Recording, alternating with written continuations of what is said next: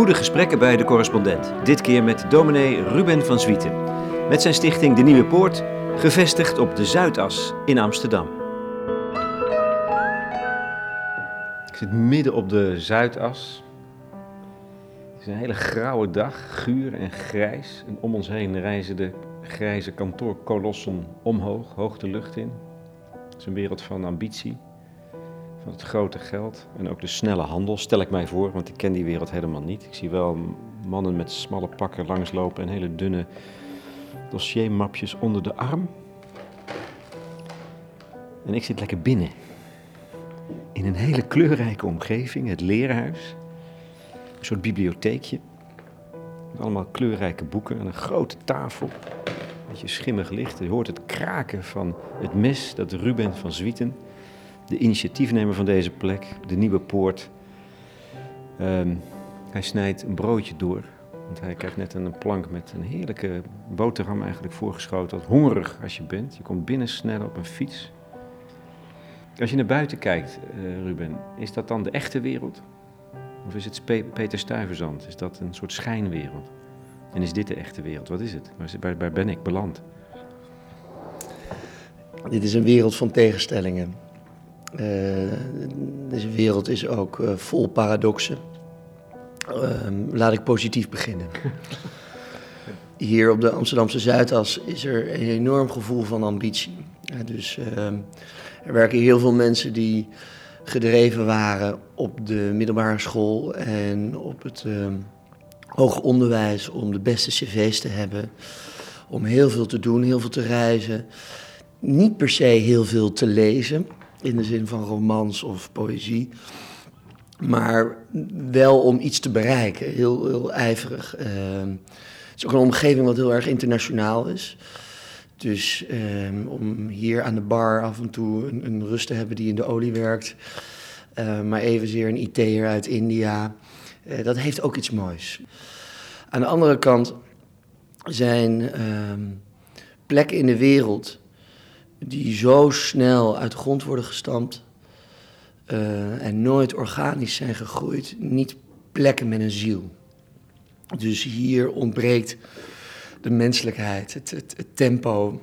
Maar zeg je dan dat die mensen die hier voorbij lopen, die, die ik door die grote ruit kun zien, dat dat een, hoop, een aantal van hen zieloos is? Uh, ja, maar ik, ik begin even bij de omgeving. Jij, jij schetst zo die grote kolossen. En dan denk ik dat die grote kolossen in twintig jaar tijd uit de grond zijn uh, gestampt. Hmm. Dat dat iets maakt wat dus niet uh, natuurlijk is. En het is dus opgekomen, begonnen met de ABN AMRO, of eigenlijk was hier het World Trade Center het eerst. En waarbij letterlijk een soort spelletje is gespeeld van the sky is the limit. Dus wat er in mensen is gebeurd en wat er in sectoren is gebeurd, dat kun je zien in deze gebouwen. Uh, er is ook onderling een wedstrijdje en er is afgesproken welke toren het hoogste is. En degene die daarna gebouwd is, die moet daarom de laatste paar verdiepingen met de trap nemen in plaats van met de lift. Uh, dus die stiekem toch iets groter gebouwd. Dat, soort grapjes, daar kunnen ze blijkbaar om lachen. Uh, maar dit zijn dus torens van Babel, waarbij het dus vooral verticaal gericht is. En ik, ik weet niet of je het verhaal van de, de torens van Babel kent, maar naarmate je meer verticaal georganiseerd bent, dus laag boven laag, en je probeert samen iets te bouwen, heel letterlijk, eh, dan krijg je een Babylonische spraakverwarring, dus je verstaat elkaar niet meer. Dus uh, wie ben jij? Uh, wat wilde je vroeger worden? Wat wil je bereiken? Hoe, hoe wil je, wat wil je nalaten? Uh, hoe word jij mens? Al die vragen die worden niet meer gesteld. En, en, dat is, en dat, die vragen ontbreken op deze plek. En de Amsterdamse Zuidas is dus, zoals wij nu hier zitten, jij en ik, en we zouden nu een 360 graden maken. Ja. Um, dan kun je hier ABN AMRO zien, wat een uh, staatsbank is geworden, met hier en daar een verhoging van salaris voor het bestuur. Dan uh, kun je de pensioenwereld zien, die zitten in de vastgoedfraudetorens. Dan gaan we iets verder naar rechts. Dan komen we bij het eh, VUMC. Nog even de wateroverlast daar gelaten, maar de camera's van Reinoud Oelemans op de eerste hulp. Eh, dat staat nog heel veel mensen vers in het geheugen. de Vrije Universiteit, eh, waar toch meer nummers belangrijk zijn dan kwaliteit van onderwijs. Dat is nu wel aan het veranderen. Dan zitten we hier zelf in een toren waar Google boven ons hoofd zit met allerlei plannen en allerlei zelfrijdende auto's en privacy schendingen. Je hebt de chemicaliën van Axo Nobel.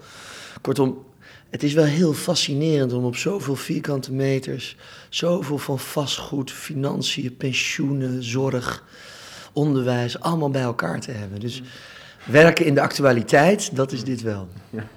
Waarmee je mijn vraag niet hebt beantwoord, maar dat weet je zelf ook wel. Of dat de echte wereld is, of, nou ja, of, een, of een schijnwereld. Je hebt er wel eens over gezegd dat je hier een, eigenlijk om je heen een drama ziet. Namelijk het eeuwigdurende drama van de mens die niet mens wil zijn.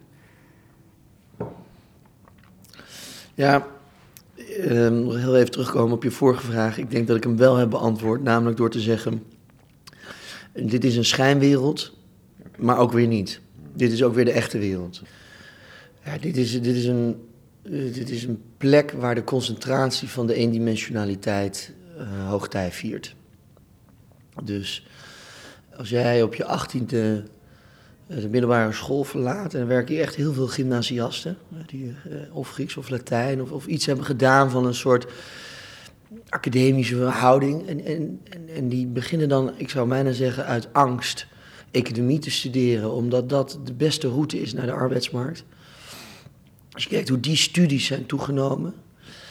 En daarna eh, eigenlijk het hoogste goed is in het leven om consultant te worden. Om adviseur te worden dan ga je dus vanaf je negentiende bezig met het uitrekenen van bedrijven. Bedrijven valideren, kapitalisatiefactoren uitrekenen. Um, wat de netto winst is voor belastingen. Eh, zoals Martha Nussbaum zegt, de Joodse filosoof in Chicago. Je krijgt dan een enorme uh, concentratie op de linker hersenhelft. En op vaardigheden, op, op, op skills die je later ook nog eigen kan maken. Maar karaktervorming en uh, de homo universalis, de poëtische kwaliteiten van de mens. Juist wat je zo hard nodig hebt, zou ik maar zeggen, tussen je, tussen je 18e en je 24e, dat ontbreekt. En die mensen, die maak ik hier nu heel erg mee. En deze young professionals, hè, juppen zoals ze worden genoemd, die raken angstaanjagend in een hoog tempo burnt out. Dus dat, dat heeft een bepaald drama. Ehm, en dat drama zet zich op een gegeven moment voort. Op het moment dat zij namelijk uit die burn-out komen, dan is er ook een omgeving die zegt: Goh, in je lineaire lijn naar de top heb je even een valletje gemaakt. Maar guess what? Je komt er alleen maar sterker uit. En dan blijf je dus in hetzelfde paradigma. Maar dan is het toch heel sterk dat iemand die dan 40 wordt, echt heel hard. En die midlife crisis, die is naar beneden gezakt. Dus die twijfelende twintiger heeft een soort dertigersdilemma gekregen. En dan kom je bij de verdiepende veertiger. En die veertiger die zegt, uh, waar doe ik het voor? Dus mijn purpose in life is, ik ben advocaat, maar ik pleit helemaal nooit meer voor een rechtbank. Dus al die mooie films van Tom Hanks en Tom Cruise, het is gewoon niet waar. En ik ben papieren aan het schuiven tussen alleen maar anonieme entiteiten. Dus opnieuw, de ontmoeting met de mens van aangezicht tot aangezicht is helemaal uit mijn leven weggesneden. En als ik hen dan vraag, wat wilde je vroeger worden? Dan zeggen ze, ik wilde brandweerman worden of piloot of, of dokter. En, en een soort centrale lijn is daarin dat je dus iemand wilt zijn van betekenis voor anderen. Dus je wilt andere mensen letterlijk of figuurlijk uit de brand helpen. Als je nu overigens de jeugd vraagt wat wil je worden, dan zeggen ze Memphis Depay, 15 miljoen. En dus daar is ook wat in. Dat zijn weer de kinderen dus van de mensen die hier dan 40 zijn. Maar uh, uh, opnieuw komen tot een formulering voor jezelf. Uh, wat is mijn roeping? Dus dat is een woord wat natuurlijk niet past in het vocabulaire. En dat is ook niet uit te rekenen in een Excel of te presenteren met bullet points in een PowerPoint. Maar daarvoor moet je dus omgeven worden door andere taal, door een andere werkelijkheid. En, en, dat is wat je hier letterlijk aanbiedt in de vorm van poëzie. Als ik naar buiten kijk, zie ik in spiegelschrift een gedicht van Herman de Koning. We zijn hier met boeken omringd. Er staan hier drie vleugels twee vleugels open en drie piano's. Er is warmte, er, is, je klinkt, er klinkt klassieke muziek. Dat is allemaal kunst. Is dat de weg? Is dat wat je er tegenover zet? De kunstwereld, verbeelding, schoonheid? Ja. Ehm, kijk, ik ben een predikant. Hè, dus ehm, eh, het goede, het ware en het schone, ehm, daar hebben de vluchtelingen geen reet aan. Maar eh, bevrijding uit je ellende, bevrijding uit eh, je grootste angsten, eh, kunnen leven, een beloofd land maken, een goede plek maken, een goede aarde maken voor iedereen onder de hemel op de aarde. Dat is waarom ik ooit voor het ambt heb gekozen. Ik ben niet kerkelijk opgevoed, maar ehm, toen ik nou eenmaal op de weg zat van de studie theologie en van het seminarium, en ik zag dat die kerk aan het vervallen was in de Nederlandse samenleving, toen dacht ik, wat is nou de basis van een kerkgebouw? Even niet religieus, maar sociaal. Dus wanneer kom je daar? En je komt daar eh, met je kinderwagen, je komt daar met je trouwauto, je komt daar met je lijkwagen, je komt daar met geloof op wielen. Maar het staat altijd in de woonwijk. En ik vond het een fascinatie in een wereld waarin je baan en je werk steeds meer je identiteit vorm gaf. Om juist daar een plek te maken van die zachte krachten. En van het verhaal en van de traditie. En die traditie gaat niet los. Een Bijbelverhaal wordt omgeven, is zelf roman, is zelf fictie, is zelf poëzie. En levert rituelen op en levert de muziek op, eh, de klassieke muziek van Bach, de schilderkunst van Rembrandt. En dus wilde ik dat gewoon vanaf een wit blad, vanaf een tabula rasa, in de hel, opnieuw, in, midden in bezet gebied, opnieuw tekenen. Ook als een, als een concept, als een, als een, uh, als een belofte. Uh, if you make it at de Zuidas, ja. dan kunnen we misschien ook zo'n huis neerzetten op het Binnenhof. Ja. Dus voor jou is dat, is dat de, gewoon, de tegenstand moest zo groot mogelijk zijn, denk ik. Ja, ik zocht zelf ook die tegenstelling op, dus die paradox. Ja. Dus de voorloper van de Nieuwe Poort heette Zingeving Zuidas. Ik vind dat nog steeds een briljante naam. Dus uh, niet heerlijk helder Heineken, maar twee woorden die totaal tegenover elkaar staan, diametraal.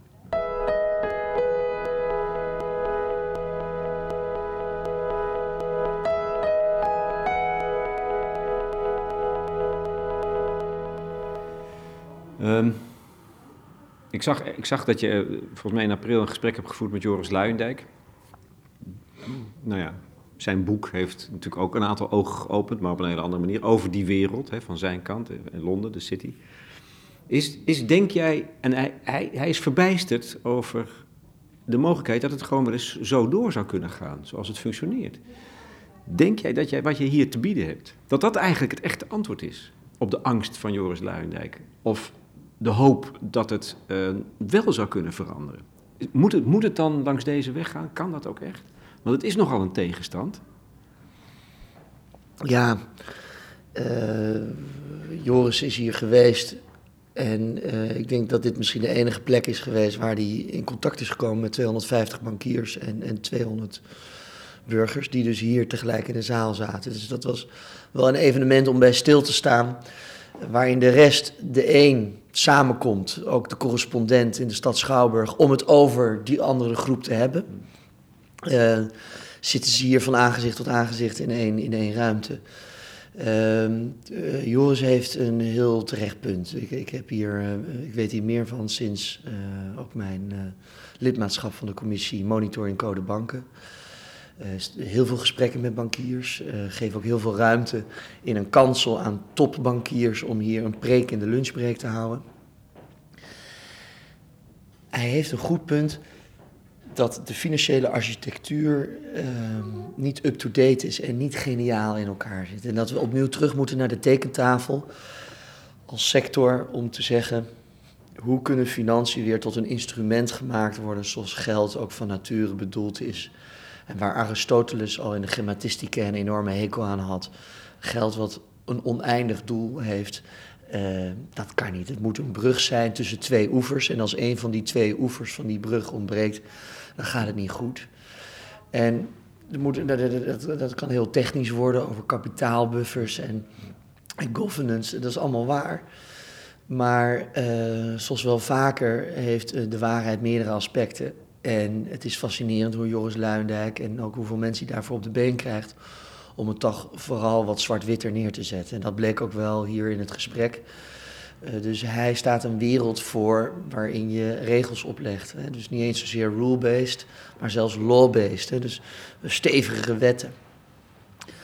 Maar denk goed na over uh, hoe je je kinderen opvoedt. Uh, daar, daarin kwamen we echt diametraal als antropoloog en theoloog tegenover elkaar te staan. Hij had een fantastisch voorbeeld. Hij zei: Als je nou je kinderen in een ruimte hebt. En daar is één hele grote snoeppot. En je zegt tegen die kinderen: Niet van die snoeppot pakken, hè? niet uit die snoeppot gaan zitten eten. Maar ik verlaat nu de ruimte. en dan zei Joris: Wat denk je wat er dan gebeurt?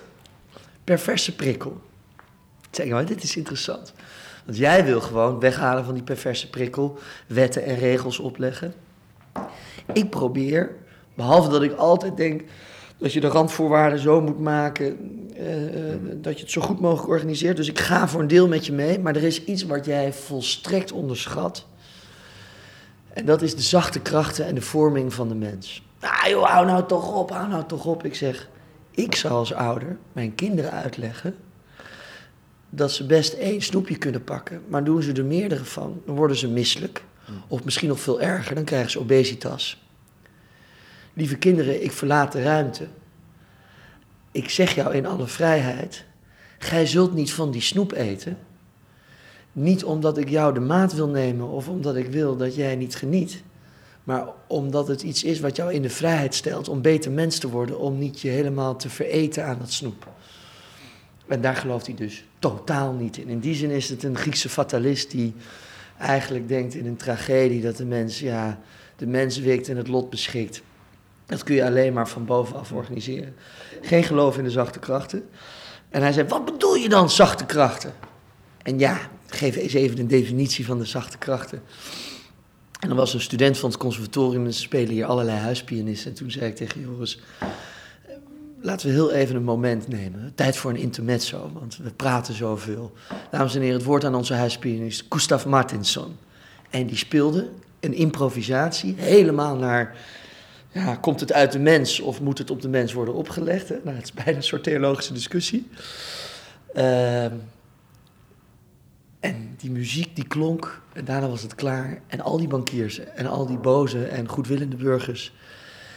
die hadden een soort... Ah, gevoel. Joost, dit zijn dus de zachte krachten.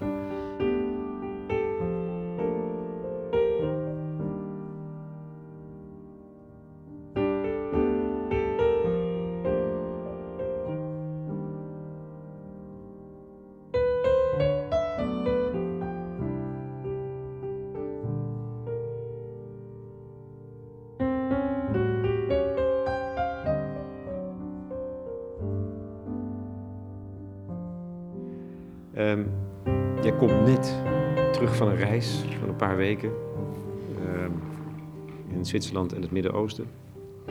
Binnenvliegen. Um, ben jij een soort, ben jij een zondagskind?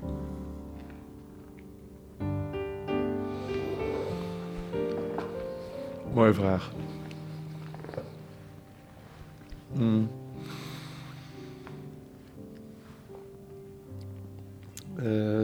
Niet uit mijn jeugd. Nee.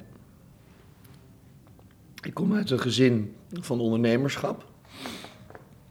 Wij uh, loven altijd ondernemers als het, uh, als het goed gaat. Uh, in Amerika mag je vaker opnieuw beginnen. In Nederland is toch één keer je initiatief laten mislukken. Het betekent toch definitief gefaald hebben. Uh, toch is het gekke toen ik theologie en rechten studeerde dat ik, dat ik heel erg de wens had om een studentenonderneming te starten. En uh, de onderneming van mijn vader is anders gelopen dan mijn eigen onderneming. Dus ik werd vanzelf een zondagskind, zeg maar zeggen, op mijn 27ste, 26ste. Ondertussen studeerde ik ook theologie. Dus die paradox die ik zelf heb van en koopman en dominee en koorbal, uh, maar ook een theoloog hier in de Zuidas, maar toch ook uh, heel graag een invalbeurt op, op Terschelling. dat maakt dat ik mijn gezegende status ook tot een opdracht beschouw. Niet zozeer Max Weber kapitalist, maar, maar wel als iemand... Als je nou talenten hebt en je hebt gaven, hoe geef je die door? Dus hoe ben ik tot zegen met mijn zegen? En uh, ik wil daarmee ook andere mensen die getalenteerd zijn, die zoals hier werken op de Zuidas, of ondernemers die succes hebben, die geld maken, ook inspireren om een mecenas te worden. Ik, uh, ik, ik denk dat dat een ontzettende prachtig concept is van vroeger, is dat je de kunstenaars verheft omdat je zegt, ik heb dat geld gemaakt, maar ik heb jou nodig om mens te kunnen zijn. En dat daarmee geld ook waarde uitdrukt, ook richting die andere kant dat maatschappelijke middenveld eh, van allerlei burgerinitiatieven, gedreven door vrijwilligersbesturen, waarin zowel een ondernemer zit die succesvol is of directeur groot aandeelhouder, tot en met de man die op zijn 48ste al zijn gebit is verloren omdat hij zich heeft afgesloten, sociaal geïsoleerd is, geen vrienden heeft en, en hakkelend maar blijft solliciteren onder druk. Dat die mensen samen aan één tafel zitten, uh, dat vind ik voor mij de ultieme broederschap.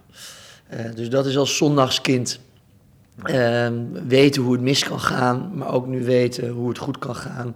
Dat ik daaruit wel een roeping voor mezelf heb uh, gedestilleerd. En die roeping zou je in één woord kunnen samenvatten met broederschap. Ja. Wat heb je meegemaakt in het Midden-Oosten? Om maar eens een gebied te noemen waar die broederschap op het ogenblik nogal ver te zoeken is. Ja, ik ben, ben heel vaak spreker uh, op allerlei podia, congressen. En de Nederlandse reisbranche uh, verzamelde zich, de ANVR verzamelde zich in uh, Abu Dhabi. En ehm, ik had in Zwitserland juist met Arabische mensen op een internationale school gezeten in Lausanne. Dus ik vloog ook met deze Arabische mensen toevallig naar Abu Dhabi. En zij hadden allemaal business class en first class. Ik was ongeveer de enige in het vliegtuig die economy class had. Het grote voordeel is dus dat als je dan gaat boorden, dat jij priority boarding hebt, want jij staat als eerste binnen in het vliegtuig. Ja. Toch weer de eerste? De eerste wil ik zijn. ja, nou ja, goed. Uh, ik dacht dat ik daarmee de laatste zou zijn, maar het was precies andersom voor hen. En, en het vliegtuig vloog letterlijk om Syrië heen. En dan kom je samen met 250 Nederlanders die zichzelf inspireren over, uh, over de toekomst van de reisbranche, om maar geen OAT te worden, mm. om uh, de technologische innovatie en de disruptie de baas te zijn. Maar er is toch een kamer in jouw brein die zegt: het klopt niet dat we om de conflicten van de wereld heen vliegen. Maar broederschap is dus juist voor mij het uithouden met diegene die volstrekt anders is dan jij. Je bent zo mooi anders, ik zou je nooit anders dan anders willen, dicht Hans Andreas. En dat je het dus, ja, dat je het dus, dat je dus moet uithouden en dat je dus daarop betrokken bent. En dat je ook niet denkt dat je naar Oekraïne gaat, ik kan er overheen vliegen. Uh, maar dat er... Uh... Maar goed, dat, dat is, moet toch, als je dit zegt en je bent in Abu Dhabi, dan is dat niet een plek waar dat het geval is.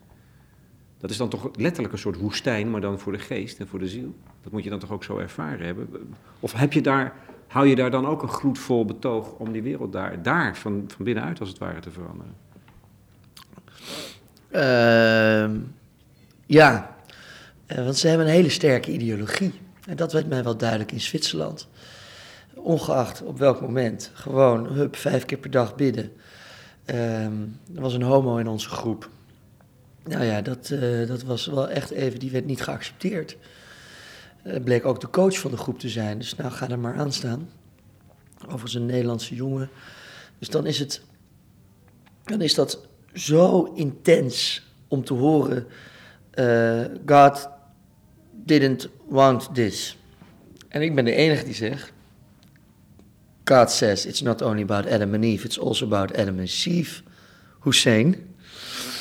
En dat je vanuit die ideologie dus merkt, ik ben de enige die hem kan zeggen, ja maar, uh, nou kom ik ook met God. Of nou kom ik ook met een tegenverhaal. Terwijl een normale Nederlander gemiddeld vandaag de dag zegt, Vrijheid van meningsuiting. Dat is jouw mening, dit is mijn mening. Tolerare, tot ziens. Ja. Maar jij hebt ook een God bij je. Nee, nee, ik heb niet een God bij me, ik heb een verhaal. Dus ik woon in een verhaal waaruit een mensbeeld blijkt. En waaruit blijkt dat een homo mens is en kan leven met zijn partner. En daar een bron voor heb om ook te zeggen dat voor mij het menselijk leven en samenleven uh, op zijn best is als er ruimte is ook voor dit soort uh, mensbeelden. Hoe liep het af eigenlijk? Uh, dat is een mooie vraag, want ehm, we waren tien dagen intensief, inclusief in de Zwitserse bergen. En het waren vier Europeanen en, en vier Arabiërs in mijn groep van acht.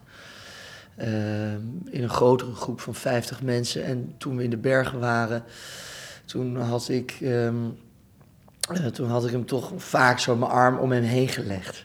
En ik speelde een beetje een gay naar die Arabiërs. Gewoon grapjes maken over zijn mooie grote bruine ogen. En ze, op, op, een manier waren ze wel duidelijk dat ik een, een, een dominee was, wat meer een womanizer was dan zelf homoseksueel. En toen in één keer midden in die berg, in een heel klein hutje, toen zei Hussein, uh, dus de vraag van de coach was, How do you feel? What goes around? Can you say something about your feelings? En toen zei Hussein tegen de coach, I want to say something to you. René, you are, you are a okay guy.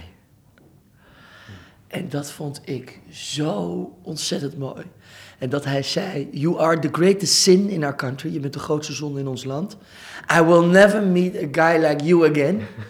But hey, Richard, you're an okay guy. Heb je een overwinning behaald? Ja. Ja.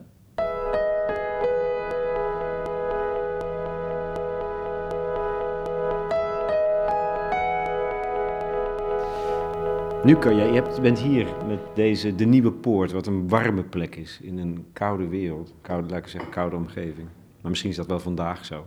Het contrast tussen kleur en warmte hier en grauwheid en uh, kou buiten. Dat is een groot succes. En nu, wat ga je nou doen? Zondagskind. Uh, ik ga op deze plek op de Amsterdamse Zuidas um, proberen een maatschappelijke denktank uh, uit te bouwen. Dus het valt mij ontzettend op dat heel veel sectoren, zoals uh, woningbouwcorporaties, pensioenen, vermogensbeheerders, zich afvragen wat de maatschappelijke uitdagingen worden van de komende tijd. ze kunnen dat heel moeilijk brengen naar Den Haag, naar de politiek. Zelf zitten ze verstokt in economische belangen om dus boven al die belangen uit te denken en een vergezicht te maken. En midden in bezet gebied is dit een soort uh, neutraal Zwitserland. Dus uh, wij hebben journalisten aan boord, uh, filosofen en theologen, uh, moderatoren die dus kunnen zeggen: wij gaan aan een dinertafel zitten, een diner pensant. We beginnen met een gedicht, we beginnen met, een, met onze huispianist. wat maakt nu dat u werkt waar u werkt? En dan langzaam maar zeker bouwen we in een hele diverse samenstelling van een kritische journaliste die van 300 euro bij, als ZZP'er bij het broodfonds moet rondkomen, tot de welbepakte bestuurder. Aan één tafel werken we toe naar waar het ook alweer was om begonnen in die specifieke sector. En hoe kunnen we weer terug naar de basis van wat het bestemd was. En mensen verlaten dan zo ontzettend geïnspireerd deze plek dat de betaalbaarheid van de zorg af en toe hier wel lijkt op een avond te zijn opgelost. En dat we zo tot de kern van het probleem komen, dat het te maken heeft, ik zal je een voorbeeld geven, dat de manier waarop wij nadenken over het leven gelijke tred heeft gehouden over de manier waarop wij nadenken over de dood. Als we in toenemende mate onze eindigheid niet accepteren en oneindig willen doorbehandelen en niet willen staken, en drie maanden voordat we doodgaan nog een nieuwe heup raison, 35.000 euro, erin knallen in ons lichaam. Wat kosten zijn voor de samenleving. Dan kun je wel zeggen nee, maar dan heeft dat iets te maken met de manier waarop je tegen de dood aankijkt en of je wel of niet sterfelijkheid kan omarmen.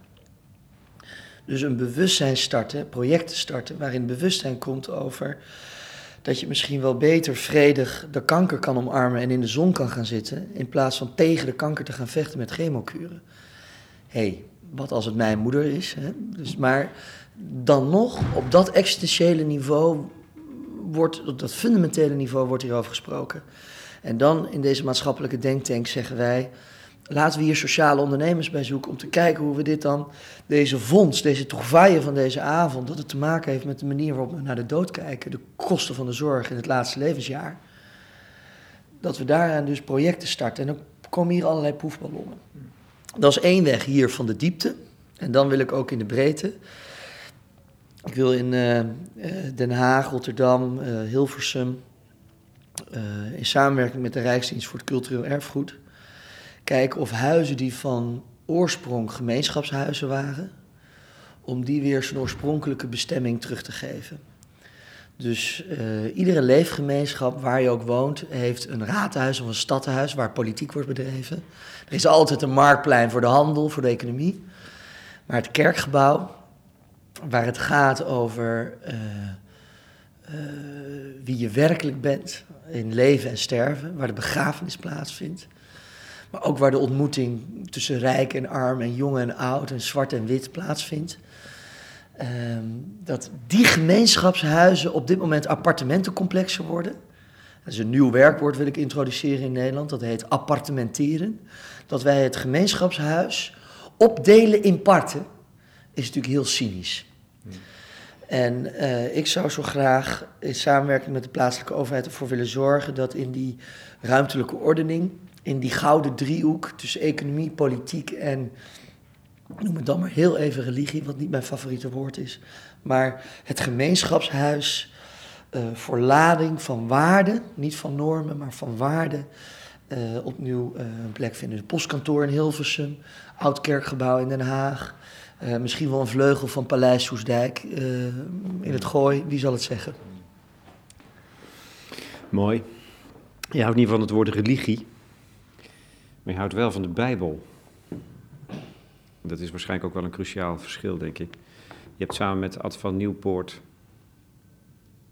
wordt ze in het neem, een boekje geschreven, De Bijbel op de Zuidas.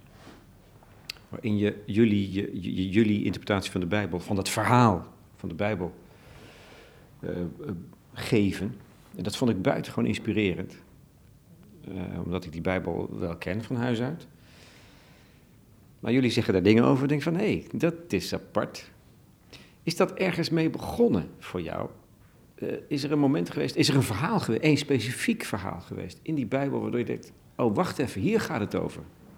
En om het heel kort samen te vatten, voor jullie is de Bijbel het verhaal van emancipatie, van bevrijding. Waar dan ook uit. Of het nou Egypte is in de Bijbelse zin, of hier uit het systeem, het bankensysteem of de ideologie van de Zuidas. Er is altijd bevrijding mogelijk. Dat is eigenlijk het verhaal van de Bijbel. Begrijp ik. Is dat ergens begonnen voor jou persoonlijk ook?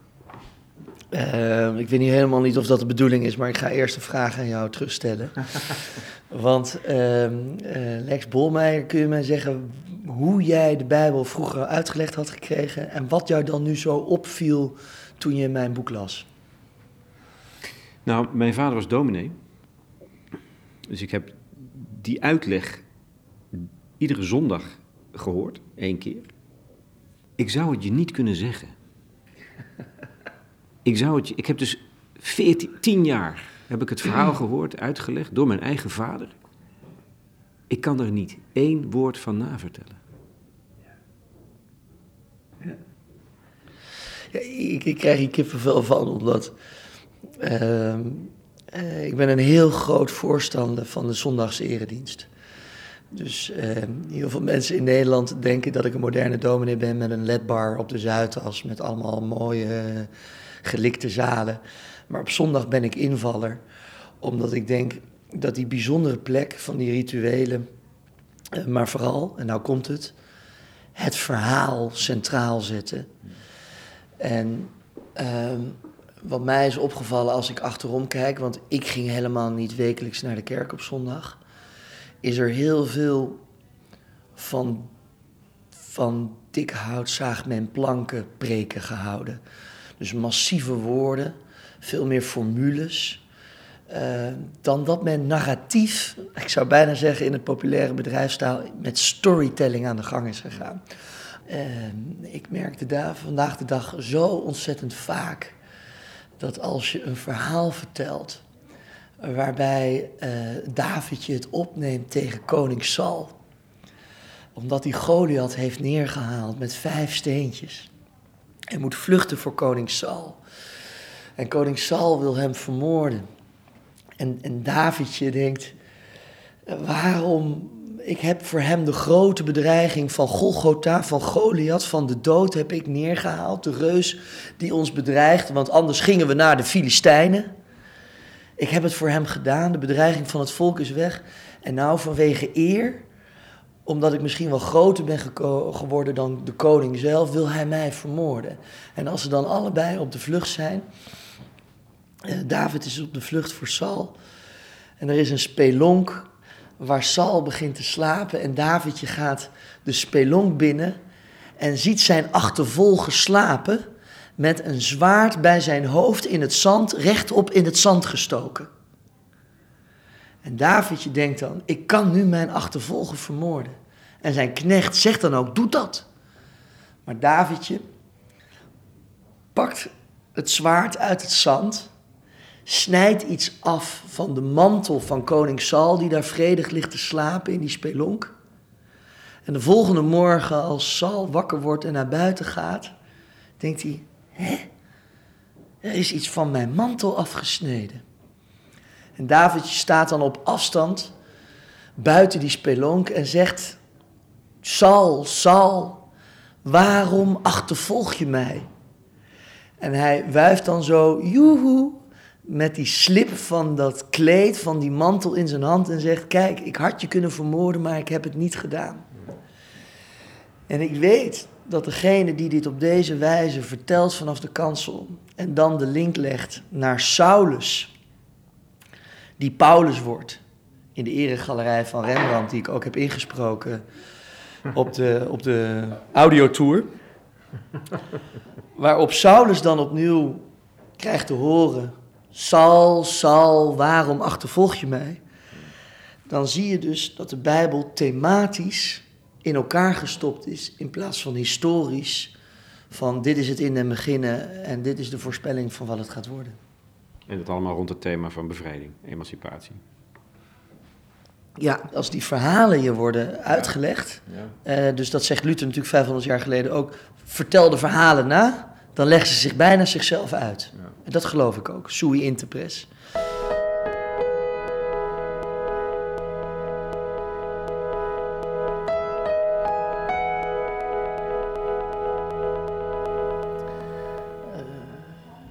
geloven betekent ook uh, uh, vertrouwen dat iets zo is nog niet wil zeggen dat het zo zou moeten zijn.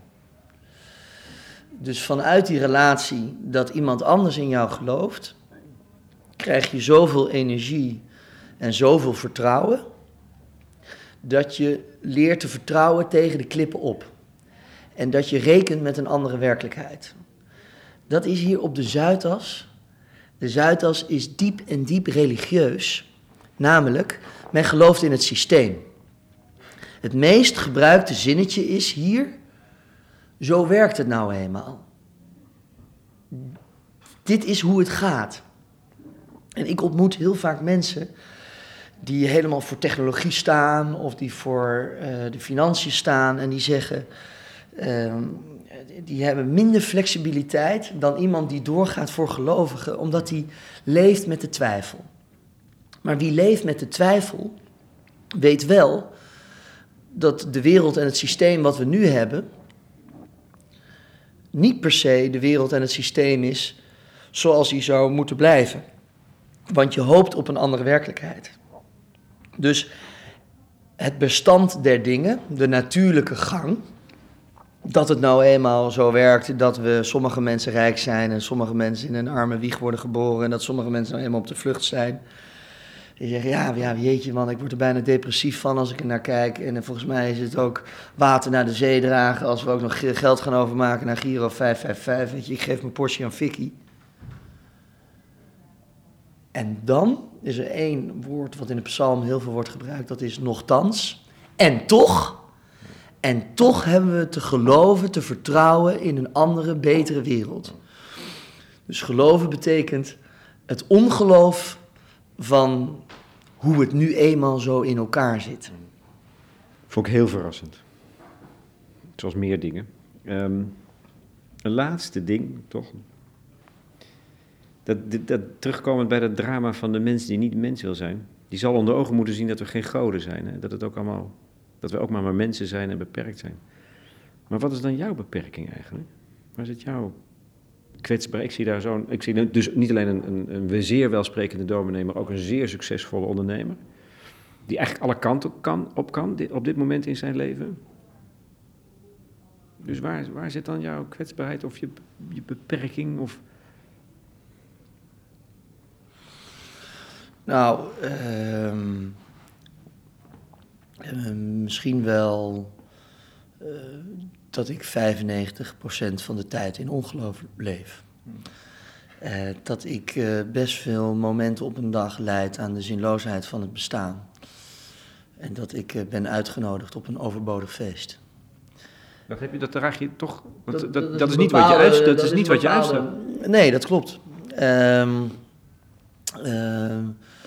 maar toch ook wel een bepaalde zwaarmoedigheid met me mee. Um, Um, uh, dus heel veel dingen uh, raken mij. Ik ben natuurlijk als, predikant ook wel een aantal keer betrokken geweest... tot op het kleinste niveau van iemand die twee jaar geleden trouwt... en, en, twee jaar later ook begraaft. Um, en, en dan denk je ook, ja... dan is er ook een stem in mij die denkt, ja, c'est la fucking vie. Het hoort er nu eenmaal bij.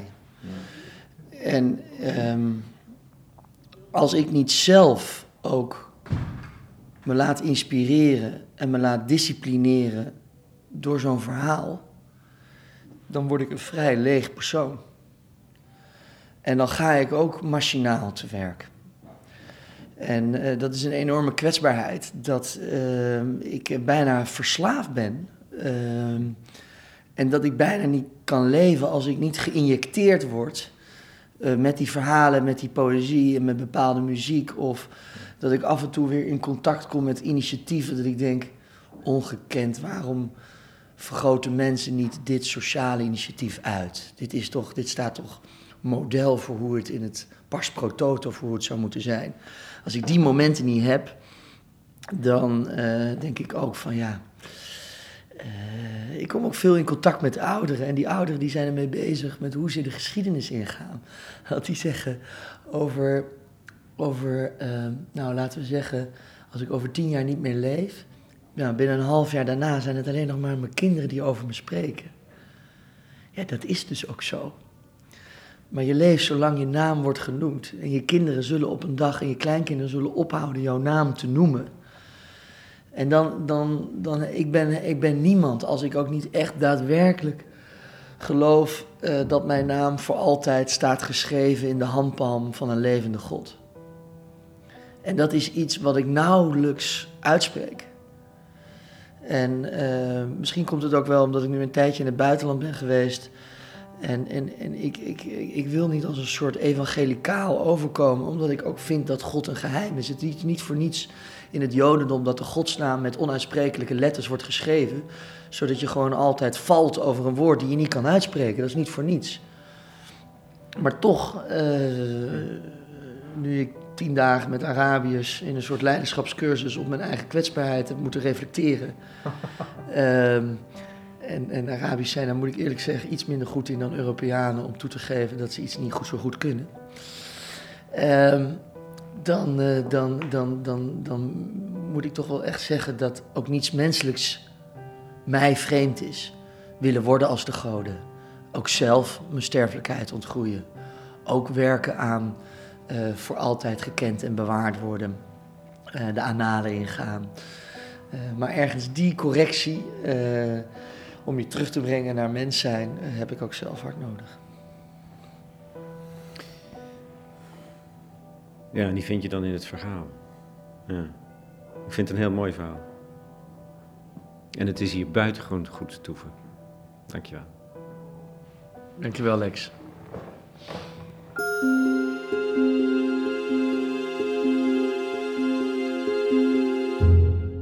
Ruben van Zwieten, dominee Ruben van Zwieten, in gesprek met Lex Bolmeijer voor de correspondent in het Leerhuis in de Nieuwe Poort op de Zuidas in Amsterdam.